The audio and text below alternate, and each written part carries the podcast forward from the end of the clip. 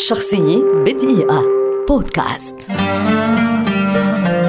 هشام شربتجي مخرج سوري كبير ولد عام 1948 ويعد واحدا من أبرز المخرجين على الساحة الدرامية السورية والعربية في العقود الثلاثة الماضية إذ كان له دور بارز في النقلة النوعية للدراما السورية ووصولها إلى ما هي عليه الآن.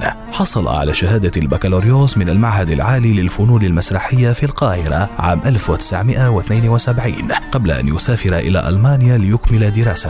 وبدأ مشوار مشواره الفني مخرجا في إذاعة دمشق ثم جاءت النقلة الأكبر عندما أطلق مع الفنان ياسر العظمة السلسلة الشهيرة مرايا ابتداء من مرايا 84 ومن ثم مرايا 86 ومرايا 88 قبل أن يبتعد عن إخراج هذه السلسلة ويعود ليخرجها عام 2006 في رصيد هشام شربتجي حتى اليوم العديد من الأعمال التي تركت بصمة واضحة في ذهن المشاهد على مستوى الساحة العربية.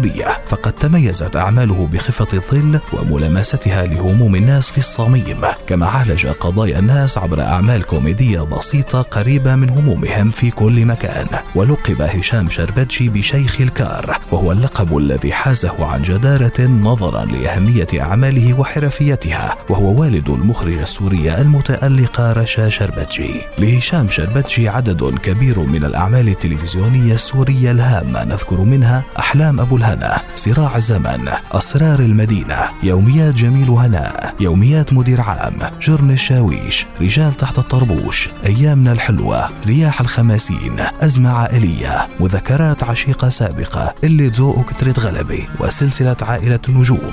كما أخرج العمل السعودي طاش ما طاش عام 2009 والعمل السوري اللبناني المشترك خبر عاجل ومسلسل بقع الضوء في نسخة عام 2005 غاب هشام شربتجي عن الإخراج لأربع سنوات وكان ظهوره الإعلامي نادرا جدا أثناء تلك الفترة وعاد بعدها مع مسلسل أزمة عائلية عام 2017 شخصية بدقيقة. بودكاست.